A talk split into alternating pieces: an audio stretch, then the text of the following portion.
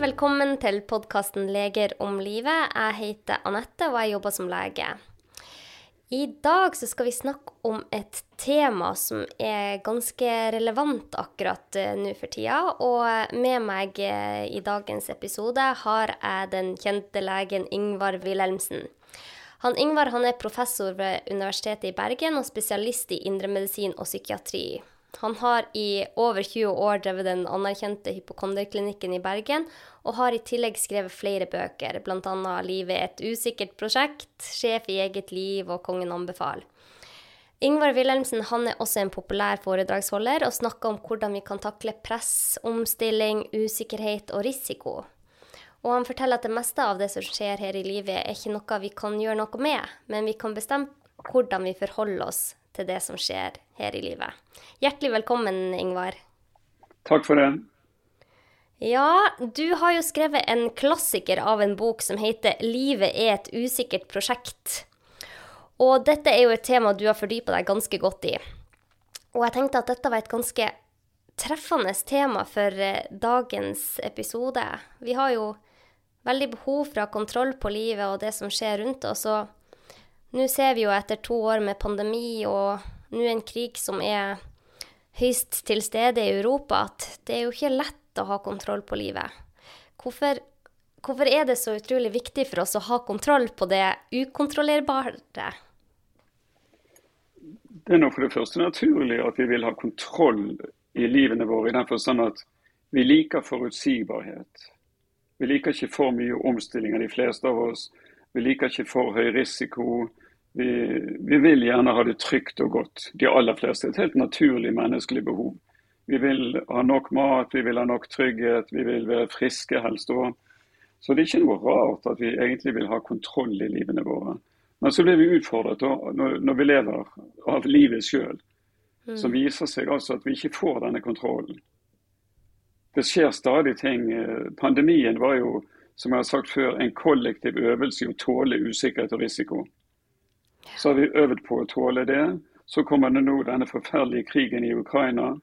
Og mens vi snakker nå, så er det jo fortsatt veldig usikkert hvordan dette kommer til å forløpe. Og vi vet at eh, russerne akkurat nå omringer Kiev f.eks. Mm. Men vi vet ikke når, om det blir freds... Ja, nå har de begynt å snakke sammen. Om det vil lykkes, det aner vi ikke. Om det blir et voldsomt gateslag inni byen der fra kvartal til kvartal, det aner vi ikke.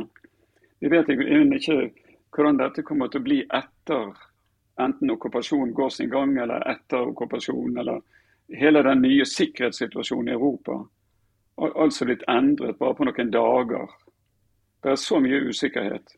Så vi er blitt minnet om det i hvert fall, at livet er et usikkert prosjekt.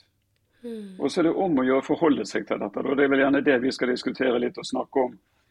Eh, hvordan kan vi forholde oss til sånne situasjoner som dette her? Ja, det, for det er jo veldig forskjellig hvordan vi mm, takler sånne usikkerheter.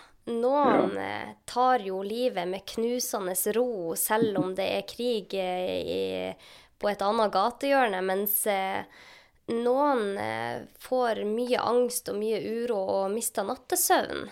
Så vi, mm. vi, reagerer jo veldig forskjellig på kriser i livet. Kan ikke du fortelle litt om, om, det? Hvorfor er det sånn at vi reagerer så forskjellig? Jeg tror grunnen er at vi er forskjellige. Altså, Mennesker er veldig forskjellige. Og, og Det er noe som vi kaller for norsk standard. liksom Et, et normalområde der de fleste holder seg innenfor. Og I ytterkanten har du de som du beskrev som er rolig uansett hva som skjer.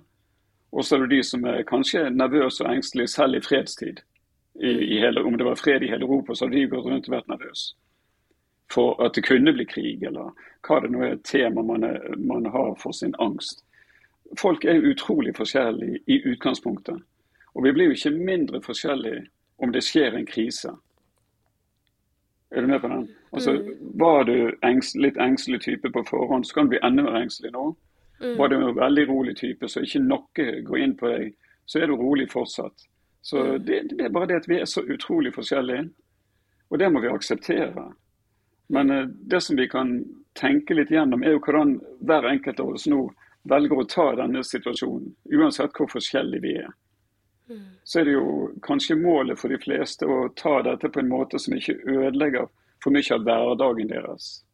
Sånn at de fortsatt kan sove godt, iallfall. For det er jo viktig for alle mennesker med god døgnrytme å sove. Enten det er krig eller ikke krig i Europa. Så, men er, grunnen til at vi nå er presset, er jo at det kom så nært. Mm.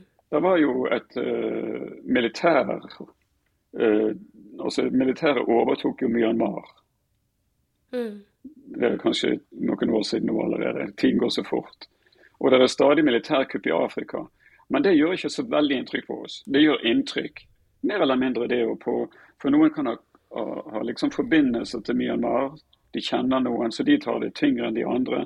Men det har vi tålt ganske godt. Er du enig i det? Mm. De fleste av oss har ikke liksom gjort det til en stor sak. Eller Litt enig? Ja, ja, absolutt. Men nå er det kommet nærmere. Nå er det Europa. Er det, vi har faktisk grense til dette landet, som nå er den aggressive parten. Mm. Og, og, de har grense til sant, Ukraina har grense til Pol. Det er blitt så nærmt. Ja. Og så truer det oss fordi at Nato er inne i bildet. Ja.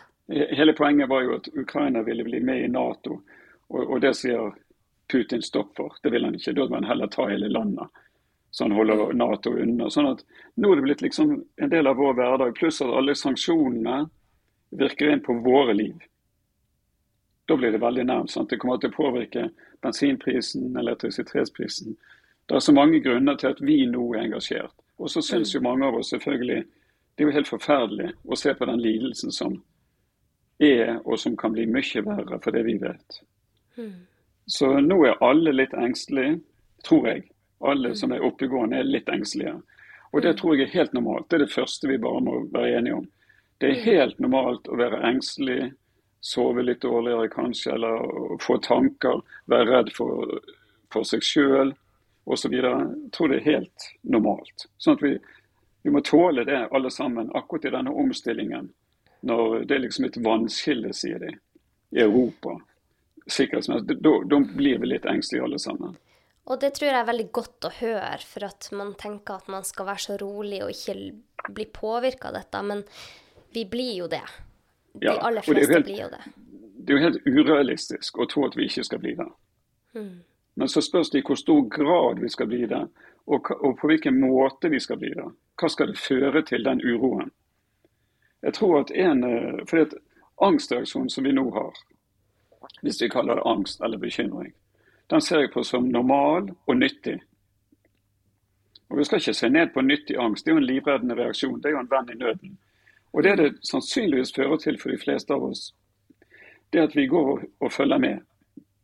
Vi, vi ser mer på TV, vi hører mer på radio, vi leser mer aviser kanskje enn vi ellers gjør. Mm. Og det, Dermed så får vi informasjon, øh, og vi blir oppdatert. Vi til og med lærer ting om Nato f.eks. som vi kan ha nytte av hvis vi har barn eller barnebarn. For barna følger med. Og så skal vi gjerne trygge barna våre, eller barnebarna i mitt tilfelle. da. Mm. Og, og, Du greier ikke å skjerme dem, for de har jo iPad og de følger jo med. og De lærer på skolen. Og, og de overhører de, foreldrene sine. Og... Ja da, og så spør de om hva, du, hva er Nato, spør de. Da er det greit at vi vet hva det er. Mm. Ja, det er en forsvarsallianse opprettet etter den, det som vi kaller for krigen. Altså den andre verdenskrigen. Eh, det er jo liksom vår krig. Og Etter den så ble det opprettet denne forsvarsalliansen. Nå er det 30 medlemsland, og de er i Vest-Europa. Og USA og Canada og sånn. Og tror jeg iallfall Canada. Men det, det, er liksom en forsvarsallianse. Og de har den regelen at hvis én blir angrepet, ett av disse landene, så støtter alle de andre opp. Da rykker Nato ut. Så det er veldig fint å være med i en sånn forsvarsallianse, syns de fleste nordmenn. Problemet med Ukraina er at de er ikke med. Mm. Så Derfor kan ikke Nato egentlig militært gripe inn. Det er ikke en del av deres områder. Men EU viser seg nå vil støtte militært og sånn. Men altså, med andre ord, poenget er at vi får kunnskap som vi kan formidle til barna våre og barnebarna, hvis det er det det gjelder, sånn som med meg. Og så kan vi da trygge dem. For vi kan si til barnebarna, eller foreldrene kan si til barna at det er ikke krig i Norge. Det er ingenting som tyder på at det blir krig i Norge. Iallfall ikke nå. Sånn at den tryggheten kan vi iallfall ha. Putin har ikke truet Norge. Det er ingenting som skjer oppe i nord, der vi grenser mot Russland. Han har mer enn nok nede i Ukraina. Så det er ikke oss personlig som blir angrepet. Sånn at Det er nå én ting at vi trygger oss sjøl og de andre ved å akseptere at ok, vi er ikke akkurat i skuddlinjen, vi. Og det må jo vi selvfølgelig få lov til å, å være glad for. Mm. Det er ikke sånn at vi må lide med nødvendigvis, i den forstand at vi akkurat som vi blir angrepet. Selv om det er Europa som blir angrepet, så det får nå hver enkelt finne ut hvordan man skal ta det. Men jeg har funnet ut at i forhold til mine barnebarn i hvert fall, så er det greit å kunne være med og trygge i den grad jeg snakker med dem om det. Mm. Er du med på den? Absolutt. Vi, det en, men det er ikke rart at vi blir påvirket. Og, men så skaper det samtidig en solidaritet med Ukraina i første omgang. Men også kanskje innad i Europa så er det ut som landene kan samles om en felles ytre fiende. Det er ofte sånn at en felles ytre fiende skaper en indre solidaritet i et land som Ukraina f.eks. De står jo beundringsverdig samlet og modige. Mm. Sånn at midt i, i, det forferdelige så viser de jo en veldig ro sjøl. Ja. Og det var jo rart om vi som da ikke er angrepet, skulle være mer urolig enn de som er angrepet. Og jeg så det var en hel gjeng med, med sånne trailersjåfører og bussjåfører som jobber i, ellers i Europa, som nå var på vei hjem til Ukraina og skulle kjempe. Mm. Og Reporteren spurte jo en av de er ikke du redd, skal ut i krigen nå. Så sa han nei, jeg er ikke redd. Russerne bør være redde. Ja. altså til og med litt humor har de mm. litt oppi alt. ja. ja, det er ganske utrolig. Og det er, jo, det er jo en slags forsvarsmekanisme, samtidig som det, det, viser mot og samhold. Og faktisk mm. vilje til å kjempe. Mm. Sånn at det er, det er, fine ting som kommer frem i, i en sånn situasjon som dette her. Og så må vi tillate oss, tror jeg Vi søker informasjon, vi følger med og alt det der. Men vi må til oss å ikke, ikke gjøre nyheter hele tiden. At vi ikke får en overdose av denne krigen. for hvis du følger med veldig lenge, vil dere har du sikkert oppdaget, så er det mye av det samme som kommer om igjen. Mm. De samme videosnuttene, de samme greiene. Det er ikke noe nytt hele tiden. Mm. Sånn at man må ta fri av og til, se en film på Netflix. Og så skal man jo på jobb, mange. Jeg gjør jo ikke det, jeg er jo pensjonist. Men altså, folk må jo gå på jobb mm. selv om det skjer ting. Hvis ikke de har covid, da. Sånn at det, eh, det er jo et dagligliv som er akkurat som det var før. Men så blir vi altså minnet om at usikkerhet og risiko det er noe vi må leve med. Men nå er det potensert. Vi trodde jo at pandemien eh, skulle liksom Ingenting kunne slå den. Men en krig vil jo slå pandemien, faktisk. Mm. På en måte. Det er jo enda mer alvorlig og helt forferdelig. Ja. Så, men så, målet er kanskje Spørs hva som er målet vårt. Det mener jeg alltid er viktig å tenke gjennom. Hver enkelt når det, vi er i en sånn situasjon som vi er nå. Hva er målet? Ja, Det er ikke å bli følelsesløs kynisk. Det, kan, det, er veldig få som har det som mål. At du skal late som det ikke er en krig. Benekte. Så vi må leve med at det er en usikker situasjon. Men hvis målet er å bevare en viss indre ro midt i den situasjonen, så må vi forholde oss til dette på en måte som gjør at vi får den indre roen. Da må ikke vi la katastrofetankene løpe aldeles av med oss. F.eks. når Putin begynner å snakke om atomvåpen, så kan vi velge å se på det enten som et forhandlingsutspill. Nå skal han presse Ukraina til, og EU til å ikke gå videre, ikke sende mer våpen, bli litt redd for at det skal bli en atomkrig. En måte å mm. skremme fienden på. Mm. Det kan være én måte å se det på. Kanskje en fornuftig måte, og til og med kanskje sann. Eh, man kan på den annen side begynne å tenke for seg at nå blir det en atomkrig. Nå kommer han til å sende atombomber ikke bare til Ukraina, men også til Europa. Kanskje til USA, for den saks skyld. For det kan de jo. Og da vil det styrke angsten enormt, hvis vi går inn i det scenarioet der. Og det er jo tanker vi kan få. Jeg tror mange får sånne tanker og tenker om. Nå, nå mm. skjer det. Den tredje verdenskrig med atomvåpen. Men i og med at det ikke er en nyttig tanke, den er ikke beroligende. Den hjelper ikke det som vi hadde som mål i sted, hvis vi var enige om det. Vi skal tåle denne situasjonen uten å bli unødvendig urolig. Så behøver vi ikke dulle for mye med denne atomkrigen. Vi bør ikke gå inn i den og, og fortelle barna om at nå kanskje det blir atomkrig, og ligge og tenke på det hele natten. Og det er veldig lite vi kan gjøre hver enkelt personlig for å hindre Putin. Altså Vi kan ikke påvirke han på noen måte. Så, så, vi må bare akseptere at han holder på med sitt. Eh, og, ikke, og hvor stabil han er for tiden, det vet vi heller ikke engang. Men vi får tenke at han kanskje har folk rundt seg som ikke trykker så lett på den knappen. Selv om han skulle for så vidt miste helt kontroll over seg sjøl. Hva vet vi? så er det jo folk rundt den som kanskje kunne hindre at denne knappen blir trykket på. Men altså holdning til faren for atomkrig er jo noe vi må hver enkelt finne ut hvordan vi skal ha. Mm. Og vi skal ikke, Det er ikke katastrofetankene som er problemet. Det sier jeg alltid når det gjelder angst. Sier til pasienten min nå. Katastrofetanker er helt normale tanker. Det er ikke det som er problemet. Problemet er svaret ligger i fremtiden. Dermed kan du ikke finne det nå. Det er en type tanker vi må tåle å ha. Men vi har noen hovedspor i livet vårt. Det er jo hverdagen, det er de nære relasjoner, det er jobben, det er hva som helst. Det er liksom hovedsporet. Og så har vi masse sidespor. Det er sykdom, det er konflikter, det er krig, elendighet. Eh, konflikt, den typen konflikter. Eh, men det er sidespor i sinnet vårt. Vi går ikke inn på de før vi må. Hmm. Er du med på den? Sånn at vi velger litt. Men vi må måle klart for oss hva som er målet i denne situasjonen. Og så Noen finner da Hva kan jeg gjøre? Jo, noen har funnet ut de kan gå ut og protestere. Det kan godt hende at det gir en viss ro i den forstand at da har du iallfall gitt beskjed hva du mener. Og så har du vært med og påvirket en opinion. Så kan man vise bilder rundt i verden at nå skjer det i nesten alle byer så er det demonstrasjoner mot krigen. Støtte til. Ja, noen velger den. Så har du uh,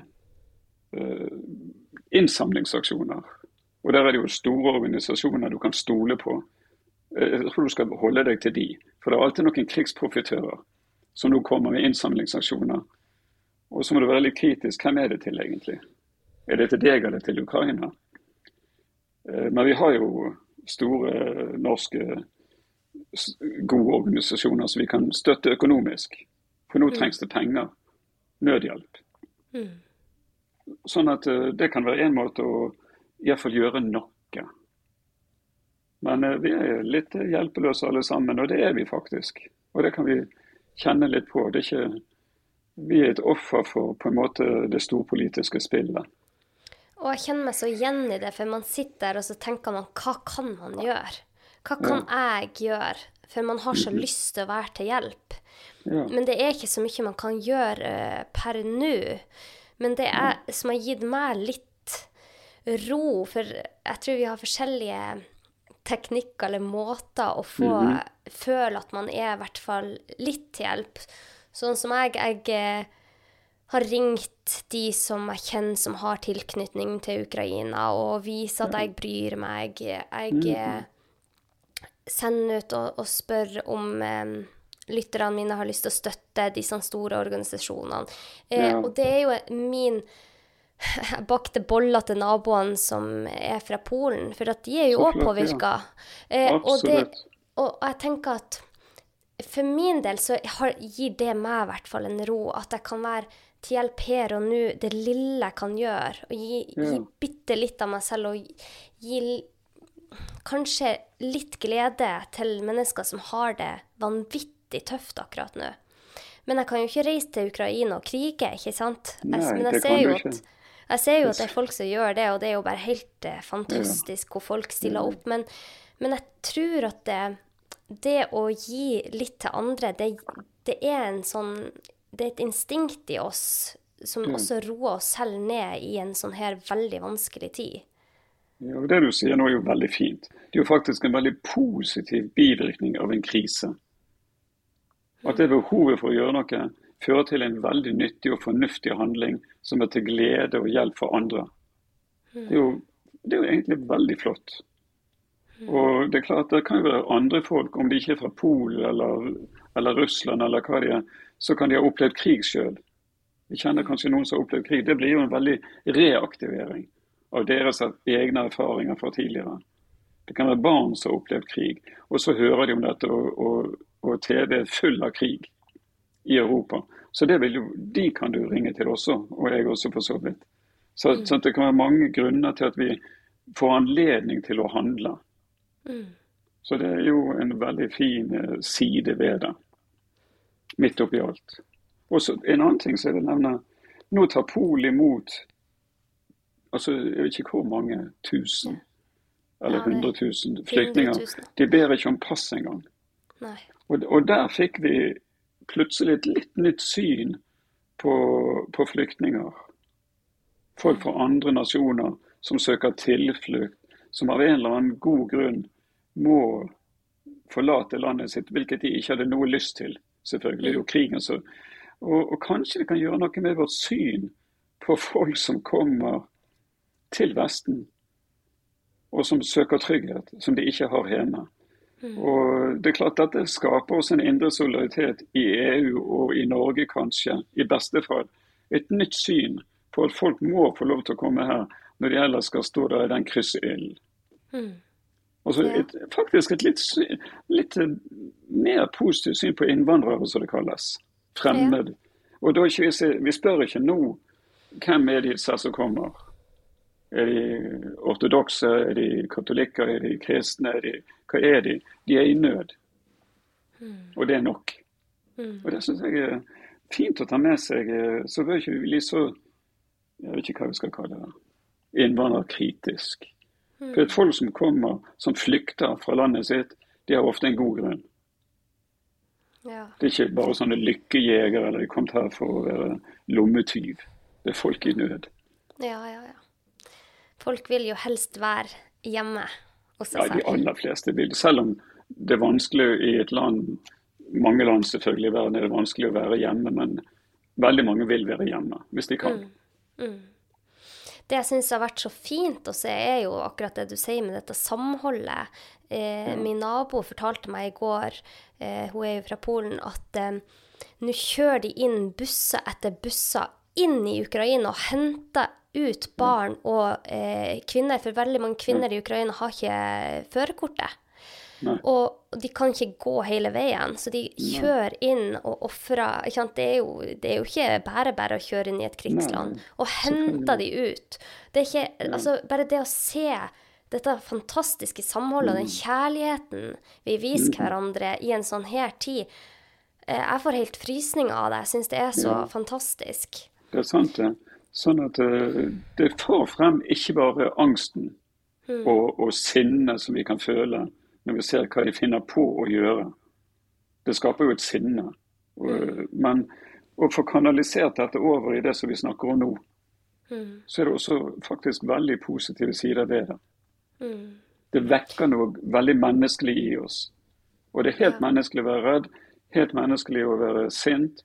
Det er også helt menneskelig å lure på kan jeg gjøre noe bra i denne situasjonen. Hmm. Men så tenker jeg på ikke sant, det er, det er den reaksjonen der man ønsker å gjøre det, i hvert fall det man kan gjøre godt. Men så er det Jeg snakka med ei som er fra Ukraina, har hele familien sin i uh, Ukraina, får de ikke ut nå.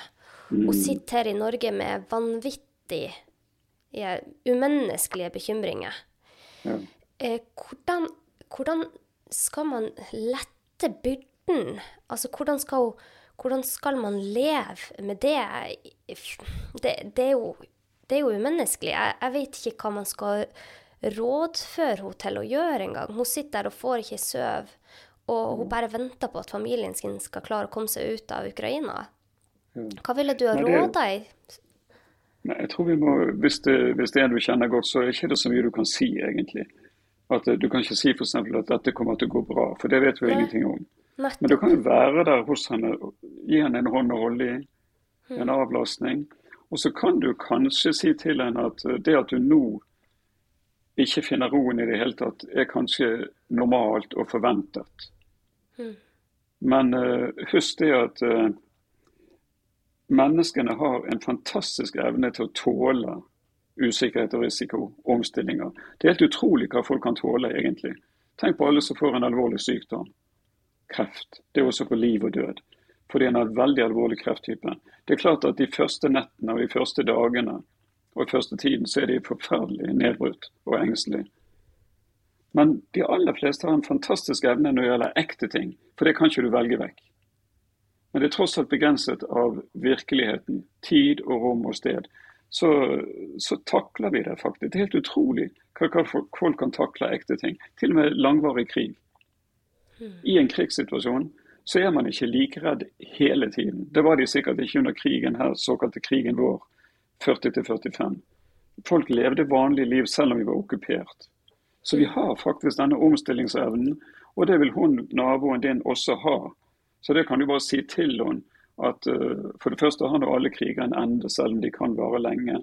Og, men det at hun nå er utrolig engstelig for de nærmeste som ikke er kommet ut, og som hun ikke har oversikt over, det tror hun at hun også må, må tåle så best hun kan. Og at det er helt normalt, men at hun kommer til å få sove noen netter. For det å ikke sove et par netter, det er faktisk veldig god sovemedisin. Hvis målet hennes er å takle denne situasjonen så godt hun kan, så kan du jo snakke med henne kanskje om at verken du eller dine slektninger har noe som helst nytte av at du ikke sover. Sånn at hvis hun vil sove om nettene, og ikke høre på nyheter hele natten, men sove så hun tåler neste dag bedre, så kan du snakke med henne om at hvis, hvis vi skal tillate oss å sove, selv om de er i den situasjonen de er. Nettopp for å ha noe å gi neste dag. Mm. Så vil jeg anbefale å, å prøve å få en døgnrytme. Mm. Altså når de første dagene har gitt seg, og det første forferdelige har lagt seg litt, så er du fortsatt like usikker. Men du finner ut at jeg må jo overleve. Skal jeg være nyttig for mine slektninger, så må jeg være oppegående, noenlunde fungerende. Da må jeg sove, faktisk. Jeg må ha søvn. Og noen dager uten søvn, det går fint. Og noen netter. Men i lengden så er det utrolig viktig at vi prioriterer søvn. Mm. Det gjorde jeg da under covid-19 og pandemien. Sov godt for at jeg ville ha et godt immunapparat. Og da er jo mm. søvn veldig viktig. Mm. Sånn at du kan snakke med henne om at uh, det er helt forståelig at du ikke sover nå noen dager, men tenk litt fremover. Noe av det du kan gjøre for slektningene dine, er jo faktisk å klare deg her i trygge Norge, sånn at vi virkelig kan stille opp for dem når det gjelder. Når du må rykke ut eller sende penger, eller sånn at du beholder jobben din og beholder hverdagen din og beholder sinnet ditt sånn noenlunde på plass. Mm. Og da er det faktisk det er viktig å sove. Spise. Til og med kose seg innimellom hvis det var mulig. Og det må vi tillate oss. Til og med hun som du snakker om, eller han. De må tillate seg å ha det godt innimellom, midt i en tragedie.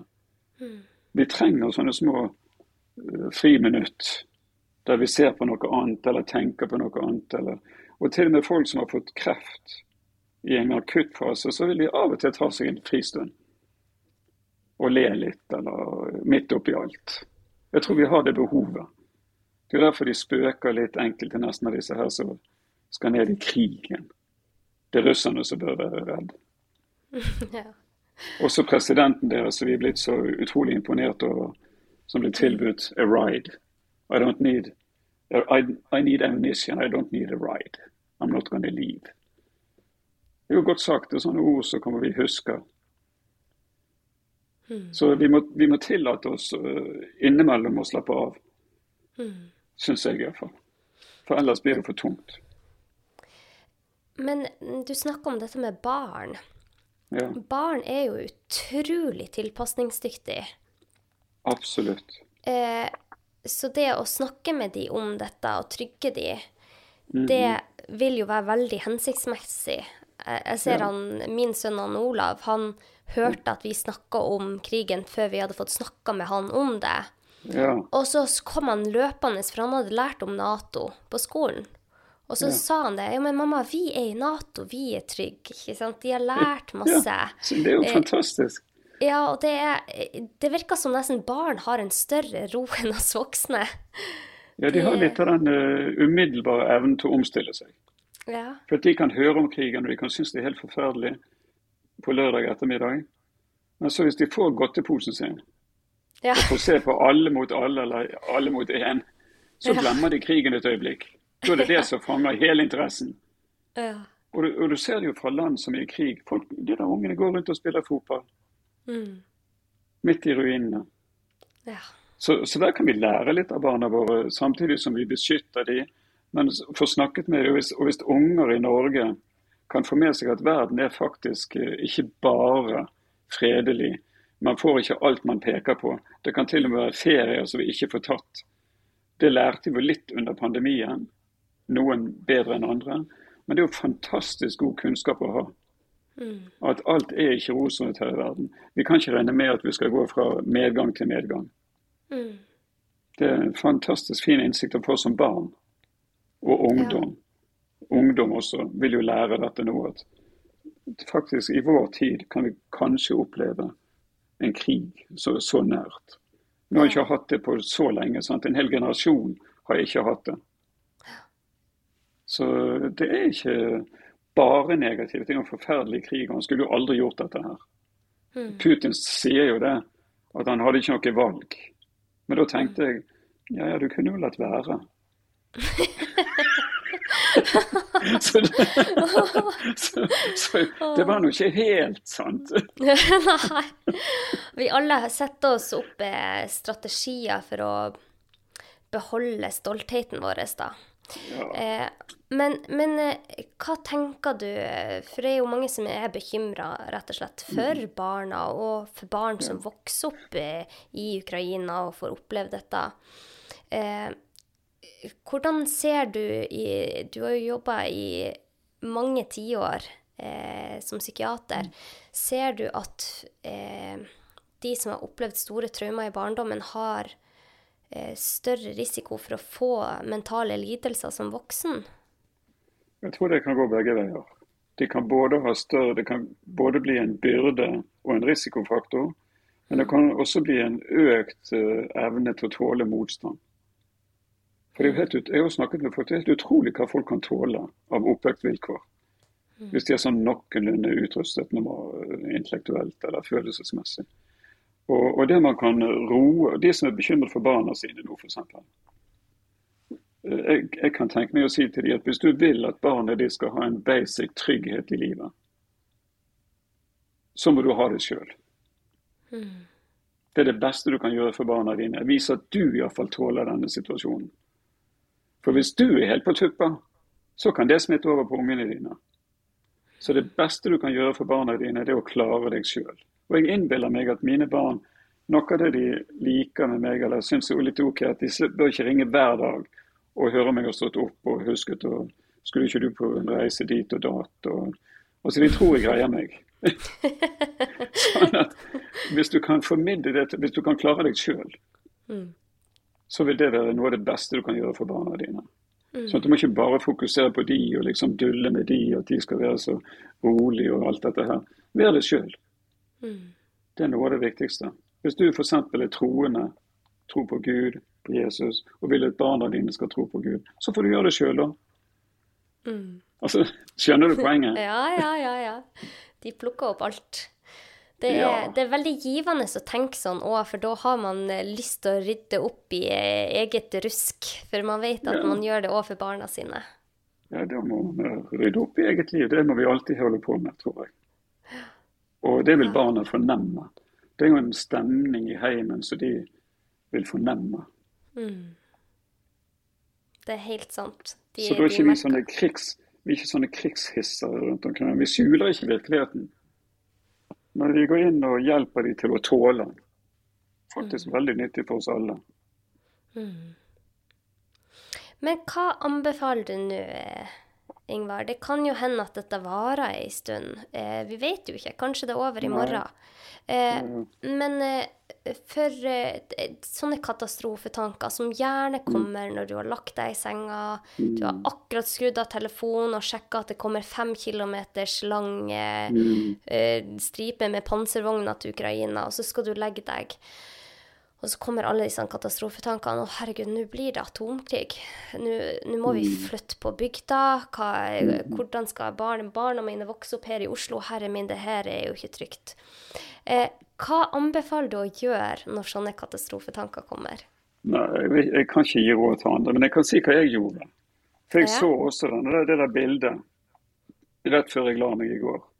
Med Ja. denne kolonnen på fem kilometer. Mm. Men så visste jeg jo at tidligere på dagen hadde de brukt noen droner og skutt ned mange russiske militærkjøretøy i en av de nest største byene. Så jeg husker at en av de siste tankene jeg hadde før sovnet, var at jeg håper de nå har dronene klar. Sånn at de får sånn får får truffet de bilene som driver med brennstoff, for det er sånne lastebiler. Sånn at de kan ta de først. For hvis de får stoppet drivstofftilførsel til de der tanksene foran, så hjelper ikke å ha tanks hvis du ikke kommer deg av gårde. Og det viser det seg faktisk at de gjør. De, de forhindrer fremrykkingen ved å fokusere bl.a. på drivstoff. Ikke gi de det.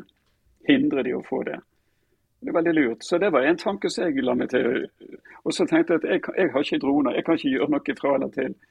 Men jeg vil iallfall sove i natt. For jeg skulle ha noen oppgaver i dag som jeg ville være noenlunde våken for. Så det var min tanke. Jeg fikk, og jeg dullet ikke med atomkrigen. Jeg gikk ikke inn i den i går kveld. Men jeg så og gjorde inntrykk på med den lange kolon- kolonnen fra satellittbilder. Men jeg tenkte at det der er noe først og fremst deres oppgave å løse. Og de er ikke så dumme, har jeg funnet ut. De, de har droner, og de er flinke å bruke de. Og selvfølgelig de er underlegne militært, men, men de har en moral som er kjempehøy. Det har jeg også fått med meg i går. At mange av disse russiske soldatene de trodde de var på en øvelse, for det hadde de blitt fortalt. Mm. Og så ble de litt overrasket nå når de faktisk skulle inn og krige mot et broderland. Og slektninger kanskje, og kjente. Plutselig skal vi drepe de. Så moral i den russiske hæren er ikke på langt nær så høy som hos de fra Ukraina, som forsvarer fødelandet sitt og fedrelandet. Så det er mange sånne tanker som vi kan også ta med. Og så kan vi si at jeg skal iallfall sove i natt. Jeg tror ikke noen i Ukraina har nytte av at jeg ligger og tenker på denne kolonnen. Ja, så du, så du velger å, å snu det til Du velger å tenke på positive tanker før du Ja, legger deg? eller ikke så nødvendigvis på, men realistiske. Ja. At jeg, jeg, jeg stoler på en måte, jeg velger å stole på at de ukrainerne, uansett hvordan dette kommer til å ende, så har de vist et enormt mot. Og det er det jeg vil fokusere på nå når jeg skal sove. At jeg har sånne medmennesker i Europa. Jeg vil ikke fokusere på Putin og ligge og tenke på han akkurat nå. Mm. Så det handler egentlig bare om litt skifte av Ja, skifte. Ja, ikke bare gå inn på ett spor når du vet at det sporet leder deg vekk fra målsettingen din. Mm. Målet var jo ikke å ligge og drømme om atomkrig. Målet var å sove godt. Så vi må hele tiden ha målet foran oss, og det må jo hver enkelt sette. Hva er min målsetting med å komme gjennom denne tiden? Hvordan vil jeg egentlig ønske å håndtere det? Og så må vi oppføre oss som vi mener det, og øve på å tåle det. For det er usikkert, det er farlig, det er skummelt. Men sånn er verden, og nå er det blitt veldig tydelig for oss. Men det kommer til å være problemer etter, etter dette også. Ikke, altså Når denne krigen en eller annen gang tar slutt, eller okkupasjon, eller hva det blir, så ikke tro at du er trygg. Mm. Vi lever i en der alt kan skje, enten på det personlige plan, som det hele tiden skjer, både før, under og etter kriger, men også i storpolitikken og alt som er mellom der. Mm. Så dette må vi bare leve med. Verden Så- er et usikkert sted å være. Ja, det er det jo i høyeste grad. Men så det du anbefaler da, er å se på hva er ditt mål. Hvis Ja, mitt mål er å få sove på natta og ha Ja. det og skape et trygt eh, hjem for barna mine, Ja. så skal jeg handle ut ifra det målet og, og, og gå se i den retninga.